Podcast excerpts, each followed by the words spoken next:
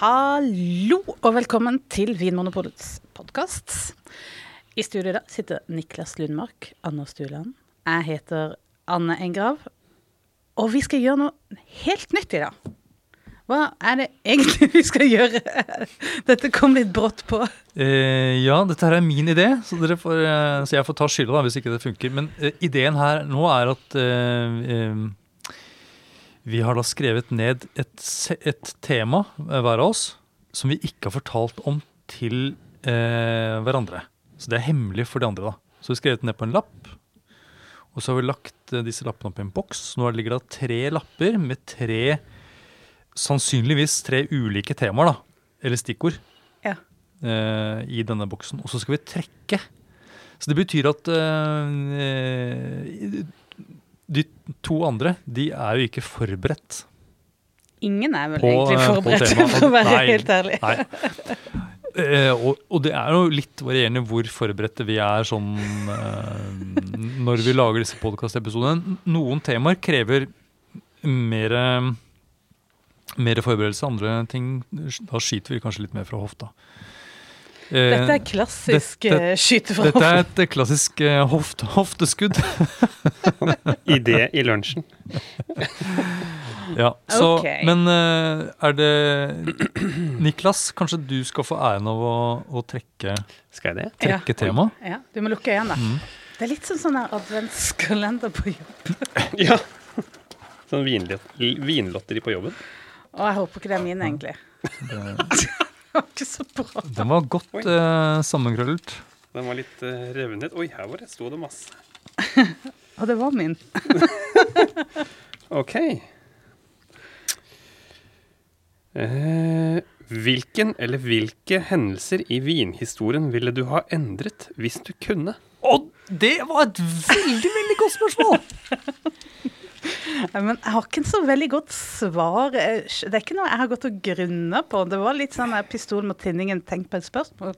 Uh, vinhistoriske øyeblikk. Ja, for det, vi kan gå helt tilbake til menneskenes første gjæring og druer.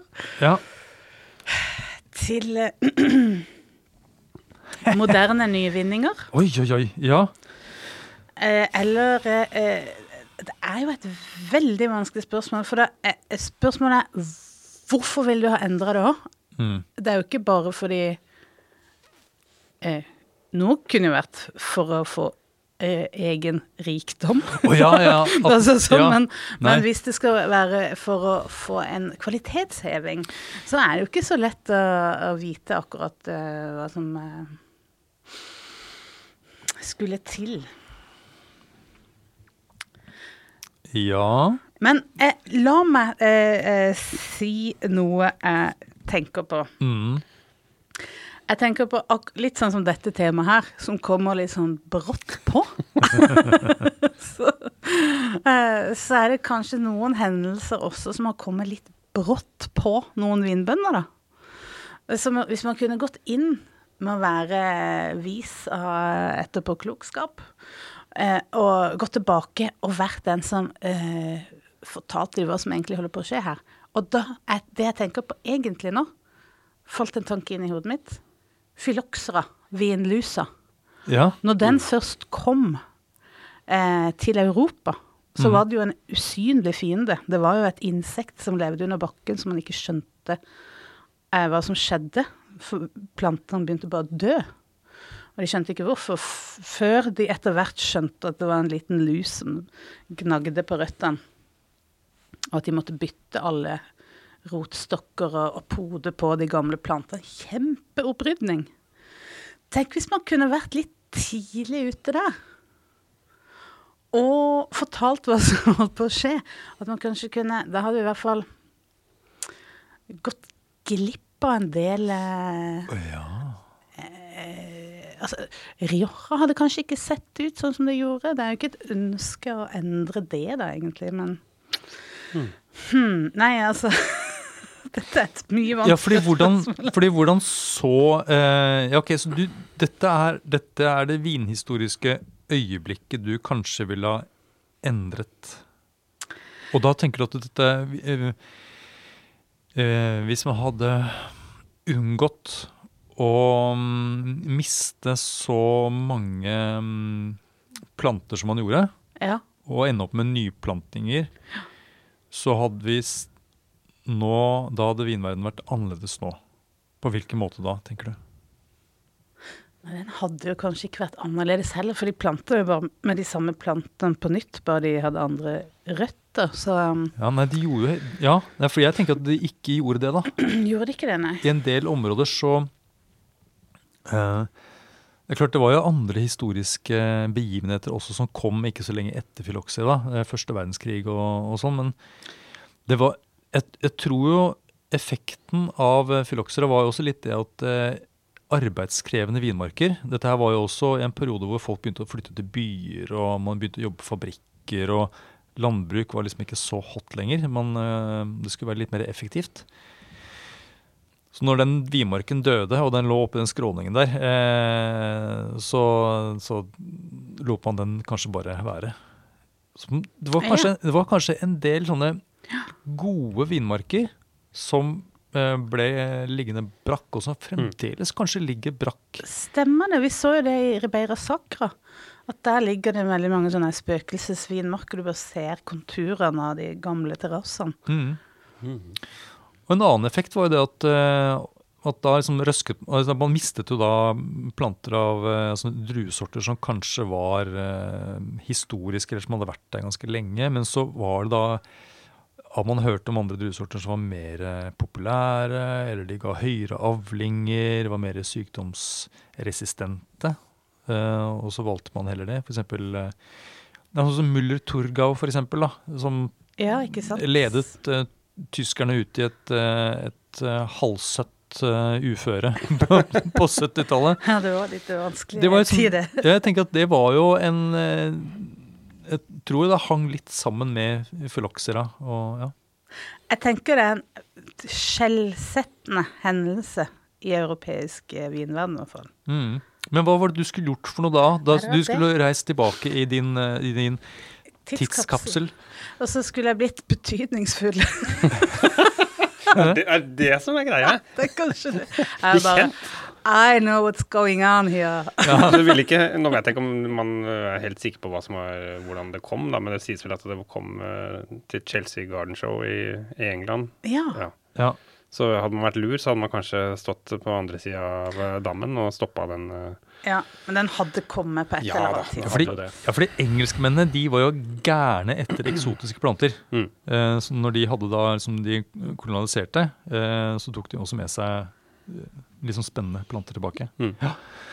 Det var jo ikke så lurt.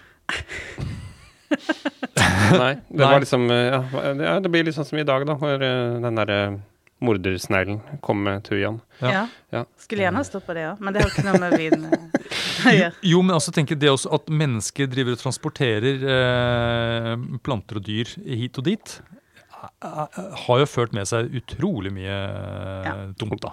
Koronavirus. Ja, det også. Det men også, ja.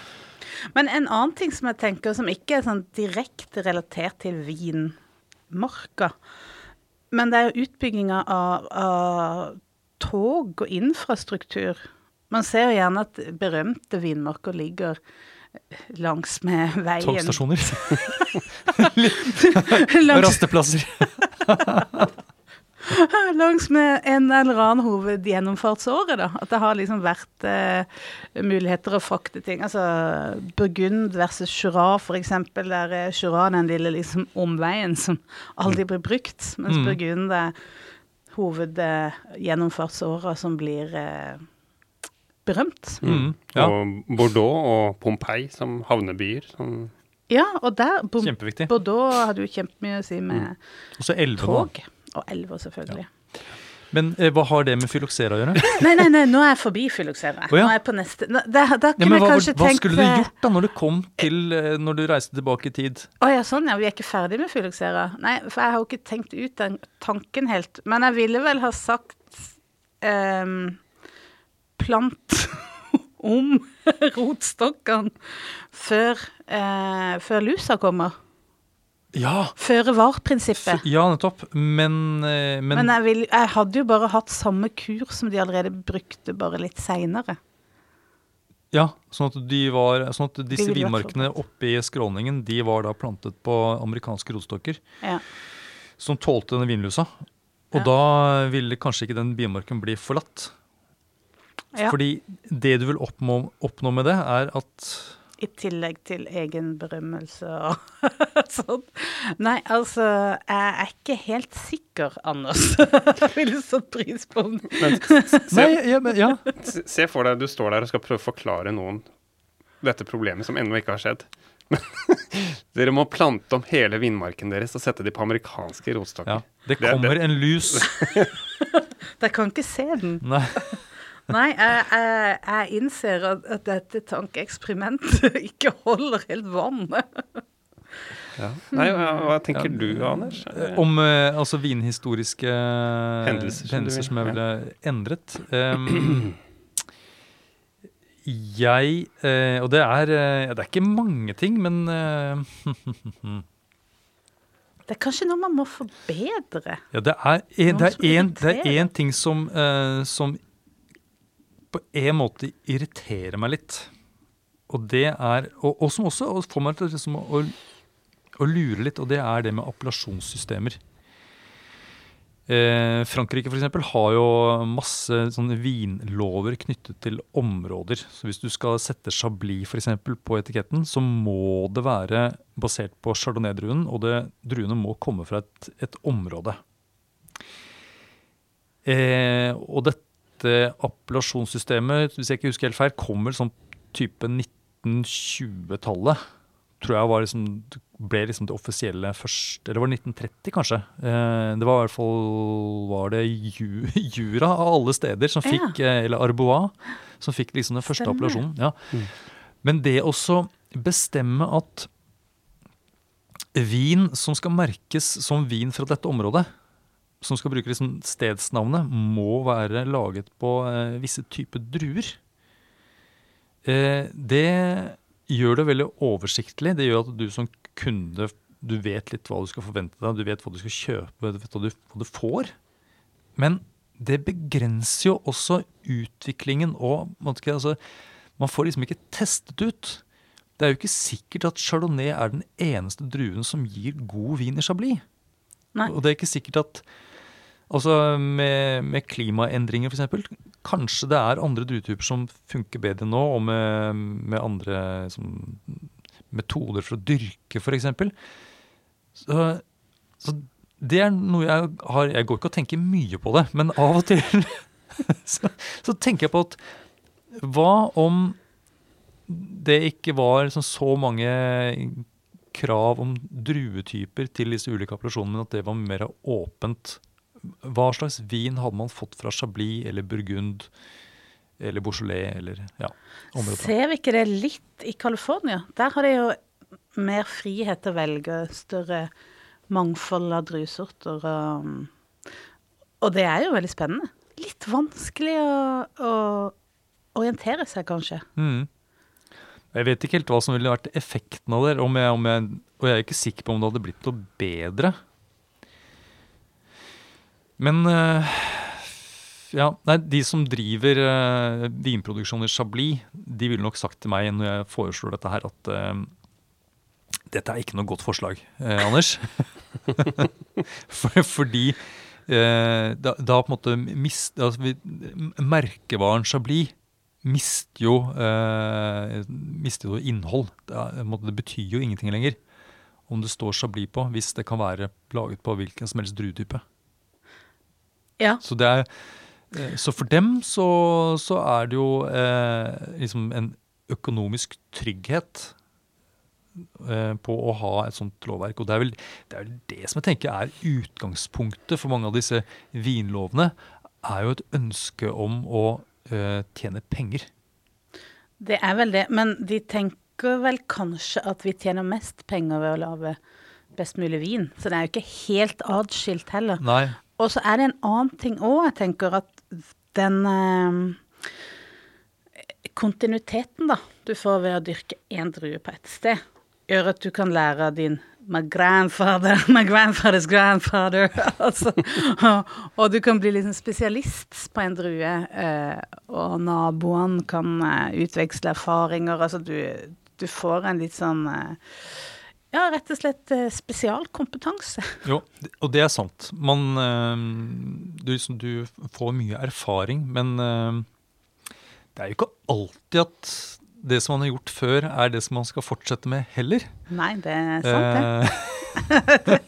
Mange eksempler Jeg på vet om mye som vi på en måte har slutta med, eller vi bør slutte med. Niklas, har du noen eh, hendelser du ville ha endra?